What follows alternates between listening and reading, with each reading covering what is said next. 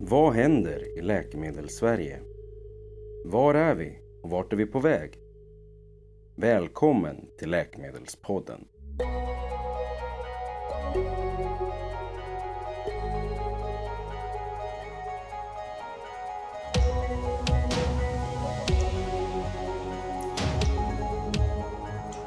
Dagens avsnitt av Läkemedelspodden träffar vi de som vann priset för bästa patientinformation för sitt arbete med att se till att minskad kontakt med sjukvården inte leder till sämre delaktighet i sin behandling.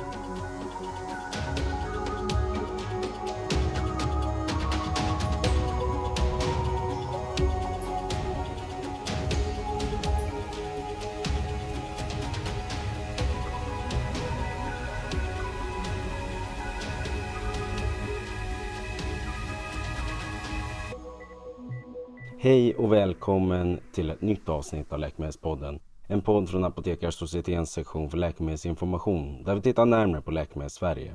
Mitt namn är Jesper Hessius, jag är läkare och apputvecklare och jag kanske till och med nu kan titulera mig som eh, poddare. Jag sitter i styrelsen för sektionen för läkemedelsinformation och är en av dem som ni hör i den här podden. I det här avsnittet så pratar vi med vinnarna av 2017 års pris för bästa patientinformation. Priset det gick till eh, Eliquis, ett av de direktverkande perorala antikoagulantia som till stor del ersatt de eh, vitamin K-agonister som eh, vi behandlade med tidigare. Vi pratar idag med Staffan Persson från Pfizer och Björn Grindebra från Bristol Myers Squibb om deras arbete med att se till att en av fördelarna med direktverkande perorala antikoagulantia att man slipper ha lika mycket kontakt med hälso och sjukvården inte blir en nackdel och att patienter ändå kan känna sig lika säkra och lika delaktiga med sin behandling som man gjorde med vitamin K-antagonisterna. Vårt samtal fördes över Skype med allt vad det innebär för ljudkvalitet. Jag hoppas att ni eh, kan ha överseende med det. Jag vet att det eh, klipper ibland och vi har försökt rensa bort det allra värsta. Men det finns en del kvar. Ja, jag lämnar över till ja, mig själv och Staffan och Björn.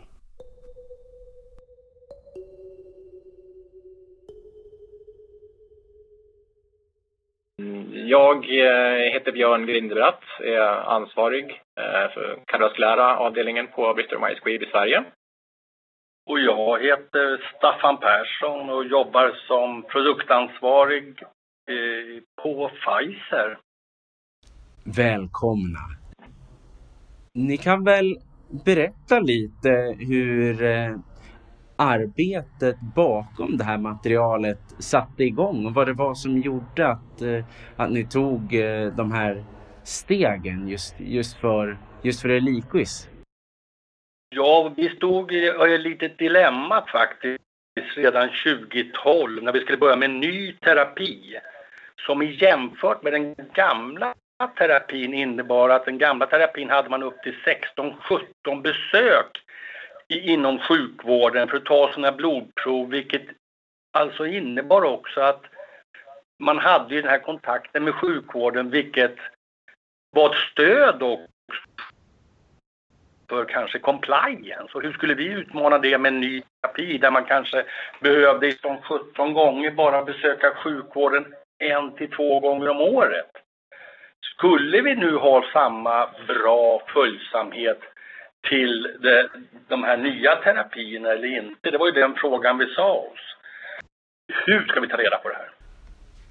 Okej, okay. och hur tänkte ni då?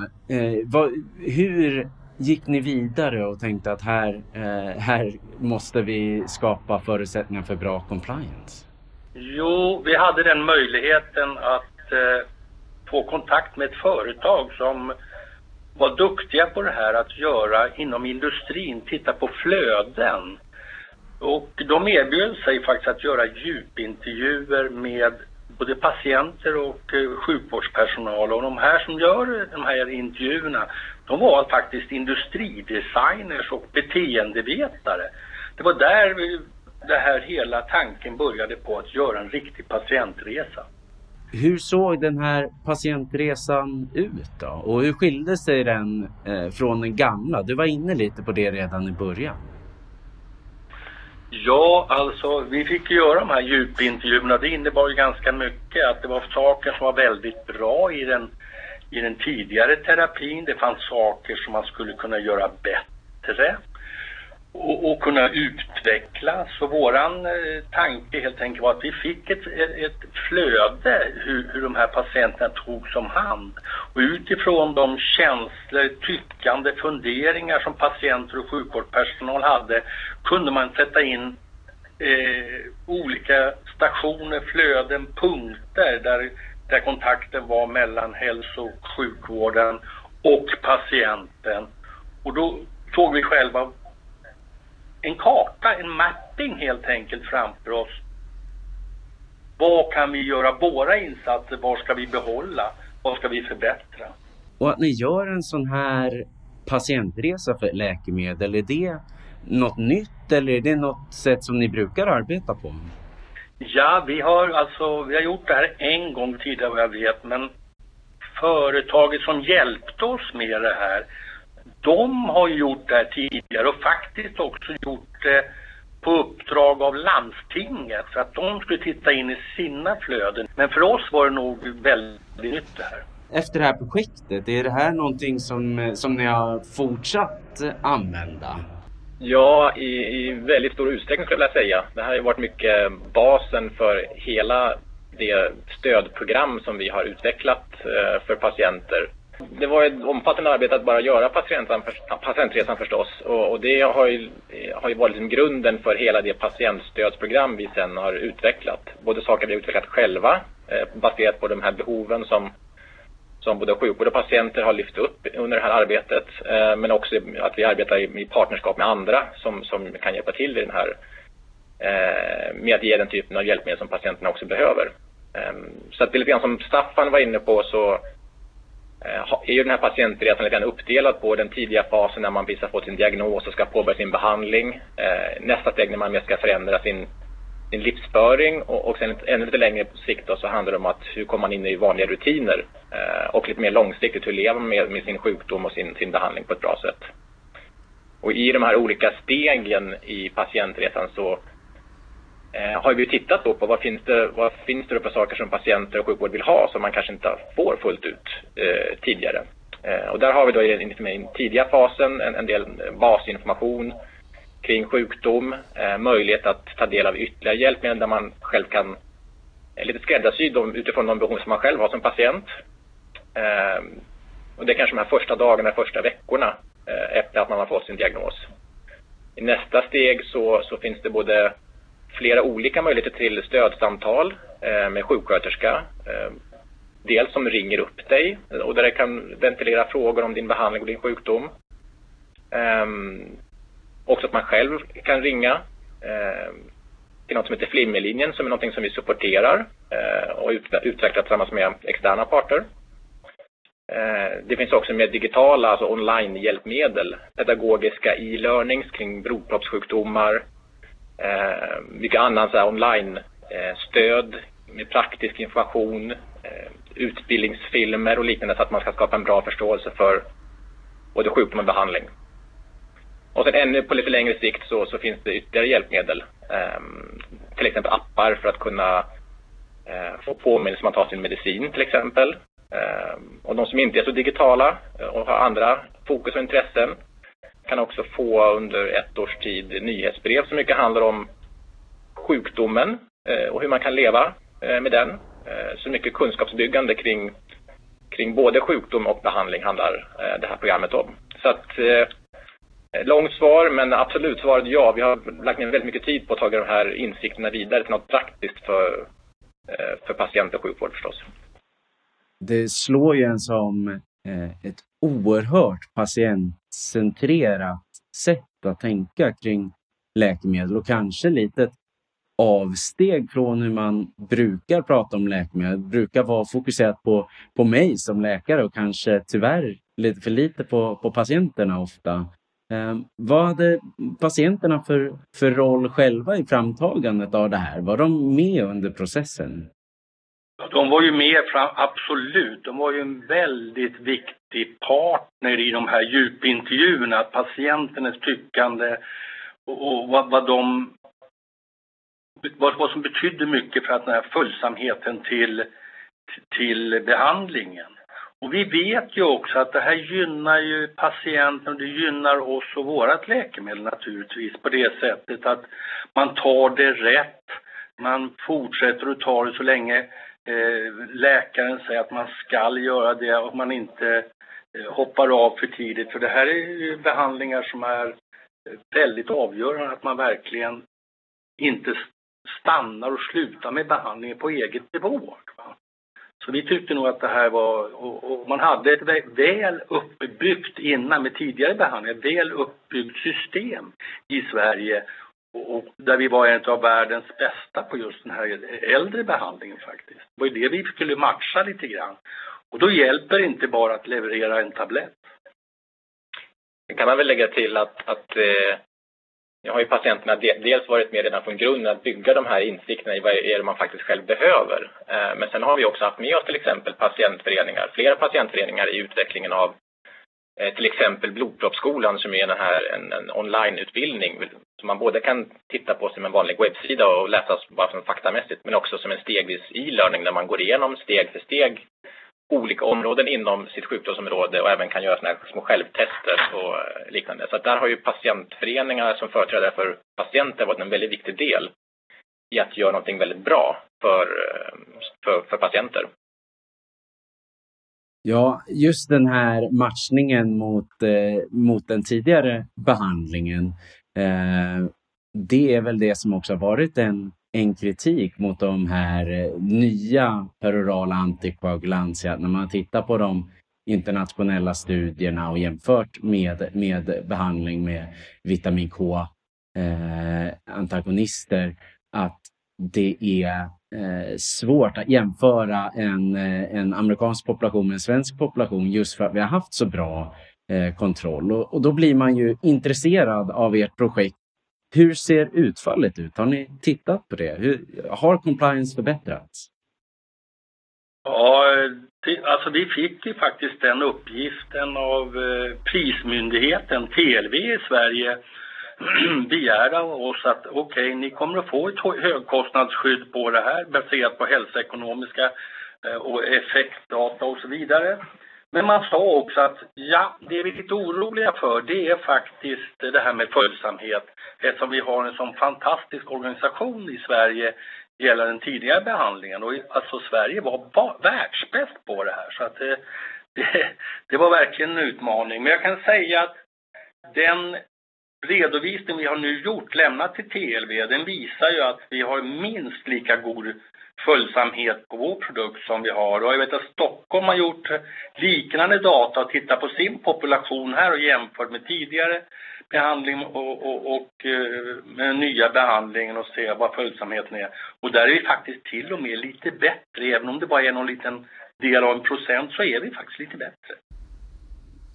Och hade ni eh, sett någon, någon, mätning innan det här projektet lanserades? Eller var det så att ni lanserade projektet i samma veva som, som ni lanserade läkemedel på den svenska marknaden?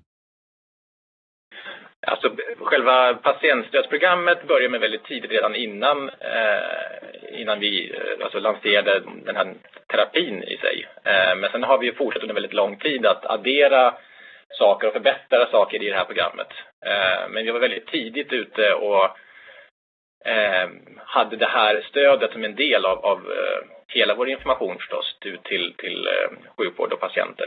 Ehm, sen är det svårt att säga, ehm, är det det här som har lett till den goda resultat med följsamhet. Det är så många olika delar och där naturligtvis sjukvården själva gör det, det stora arbetet. Eh, det stora viktiga arbetet att få patienter motiverade. Men, men med tanke på det vi ändå ser, den här väldigt höga följsamheten. Och då jämför man en, en annan terapi då som, som Staffan var inne på, där man nu är i sjukvården som patient väldigt, väldigt ofta. Eh, plus att man har ytterligare kontakter då med, med apotekspersonal och liknande också förstås då. Och då är det väldigt tillfredsställande ändå att se den här höga följsamheten trots att det här, de här andra alternativa terapierna inte alls eh, ska liksom kontrolleras på det sätt som, som den äldre versionen. Och ni pratade lite om att det här projektet är eh, i allra högsta grad levande. Det fortsätter utvecklas och förbättras. Och hur ser framtiden ut då? Ja, det, jag måste ju säga någonting också att det här priset har ju inspirerat oss och gett lite extra energi. Va? Och vi har redan nu börjat och, och jobbat med att utveckla den här appen vi har och lägger in mer som har kommit och som uppdagas idag. Mer om livsstilsförändringar, hur mycket det påverkar hjärt-kärlsjukdom. Och där tror jag att vi kan göra mycket mer i den, den biten. Och sen har vi utökat eh, samarbete med eh, flera apotekskedjor också som kommer att hjälpa oss och, och se till att patienterna i alla fall vet om att den här möjligheten till information finns. Och det är väl det som kanske är eh, en av de stora utmaningarna förstås, det är ju att se till att alltså tillgängligheten, att alla patienter helst ska ju förstås veta om eh, det som det Staffan är inne på, att det, här, det finns hjälpmedel att få utöver den den, den, det stöd som man får i sin ordinarie kontakt med sin vanliga sjukvårds, eh, ja, sin vårdcentral kanske i första hand då. Sverige är ju ett väldigt mångkulturellt samhälle också där vi jobbar mycket på att se hur kan vi även öka tillgängligheten för eh, alla de som kanske inte nödvändigtvis har pratat svenska flytande. Så vi har till exempel en, en, en hel del information även på en rad andra språk. Jag tror att det är 10-12 olika språk som delar av det här programmet finns på idag. Och det är någonting som vi också tittar på framöver. Hur kan man kan vi eh, vidga det här ytterligare för att öka just den här tillgängligheten eh, för så många som möjligt. Och materialet i stort då, är det, är det någonting som också finns tillgängligt internationellt just när vi pratar om andra språk eller är det här liksom unikt för Sverige? Ja, där blir man ju lite ledsen om man får bli så. Björn och jag pratar med det här ute i Europa med våra kollegor, men alltså man har inte tagit, man har inte samma fokusering på hur viktigt det här med patienter, man kanske inte får säga så, men så är det nog lite grann. Det här är mycket svenskt och nordiska länderna kommer också upp och, tycker det här och, och utvecklar system. Kanske inte, jag brukar säga att det vi har i Sverige just nu när det gäller patientsystem på det här området, det är där vi är bäst i världen. Och det är ju ett roligare sätt att, eh, att titta på, på det problemet kanske. Att just, eh, just se att i Sverige är vi väldigt, väldigt bra, tror jag, på, på eh, den här utvecklingen, att sätta patienten i centrum och att, eh, att tillhandahålla verktyg för att låta patienter ta ett större ansvar och vara mer delaktiga.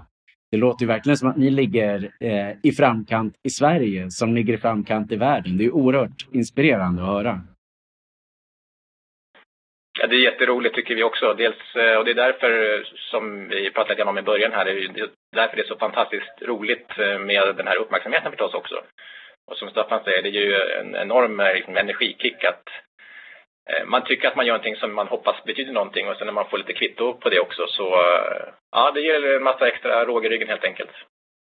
Ja, det, det här vänder sig ju, alltså de här flimmer, förmaksflimmerpatienterna som vi framförallt pratar om, dem, det är ju äldre människor och, och kunna öka patientsäkerheten med sådana här potenta läkemedel är ju någonting man, man faktiskt är stolt över. Och för de som lyssnar nu då, som, som tycker att det här låter ju väldigt, väldigt bra eh, och det kommer väl vara en eh, hel del medlemmar i Apotekarsocieteten som lyssnar förhoppningsvis. Eh, de kommer ju också vilja gå in och granska lite här i sömmarna. Och, och vart går de in och gör det då? Ja, för eh, all, all sjukvårdspersonal som vill veta mer och eh, för att också i nästa steg, för det är ju det är där eh, via apotek och via sjukvården som egentligen det här stödprogrammet kan kommuniceras ut i första hand. Så att där finns det ju både på, det finns ju på, på nätet tillgängligt. Det finns på information på våra respektive företags hemsidor förstås, både Pfizer och, och Bristol Myers Squibb. Eh, Blodproppsskolan som är den eh, digitala e-learningen vi pratat om finns ju också som en, en egen, eh, en egen online-tjänst eh, eller webbsida på nätet. Och för sjukvårdspersonal också så kan man gå in och titta på både eliquiz.se, hemsidan och eliquizpatient.se. Eh, den första är direkt riktad till, till sjukvården förstås då, eh, där allt det här finns beskrivet. Och vill man titta lite mer på patientsidan så finns ju den tillgänglig också. Så att finns väldigt många ingångar förstås för, för sjukvården att eh, ta del av allt det här. Så det kan vi bara varmt eh, rekommendera förstås. Och jag kan säga det till den som lyssnar också, att vi kommer lägga in alla de här länkarna i Eh, i anteckningarna kring avsnittet. Eh, så att om du öppnar din podcast-app och tittar på information om avsnittet så, eh, så kommer du efter beskrivningen ha en liten länklista där du kan gå in och läsa mer och se mer av det här arbetet. Jag tänkte egentligen bara tacka er, eh, Björn och Staffan, för att ni eh, tog er tid att, eh, att prata med oss och inspirera både mig och förhoppningsvis alla, alla lyssnare också. Eh, var det någonting som ni tänkte att det här, det här vill ni få sagt eller det här vill ni lägga till? Det är väl det här som vi gjorde från början, att inte tro att man gör det bästa för patienten, utan kanske ta reda på vad det verkligen, vad de känner, tycker och tänker. För det är väldigt lätt att man tror att det är på ett sätt, men det är bättre att veta. Oerhört bra avslut. Tack så jättemycket hörni. Tack. Tack själv Jesper. Det var det vi hade i dagens avsnitt. Stort tack till Björn och Staffan och alla övriga nominerade som ställt upp med tid och engagemang. Och tack både för att ni eh, vill vara med i den här podden men också tack för det fantastiska arbete som ni alla gör. Och det gäller även de som, som var nominerade och har gjort jättebra saker ute på sina sjukhus eller i sina företag eh, som eh, inte nådde ända fram. Läkemedelspodden det är en podd från Apotekarsocietetens sektion för läkemedelsinformation. Apotekarsocieteten är en ideell förening och är helt oberoende. Här samlar vi personer från hela läkemedelskedjan, från forskning och utveckling till användning. Om du passar in den beskrivningen, alltså att du är någonstans i läkemedelskedjan. Jag hoppas att du vill bli medlem hos oss då. Tillsammans kan vi göra ännu mer.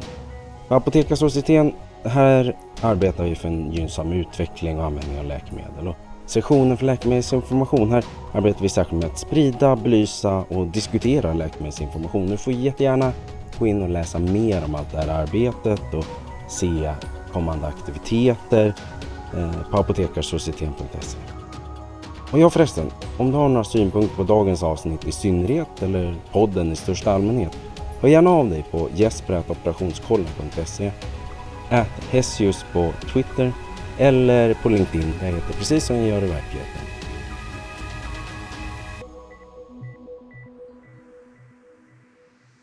I nästa avsnitt då kommer det handla om medicinsk teknik.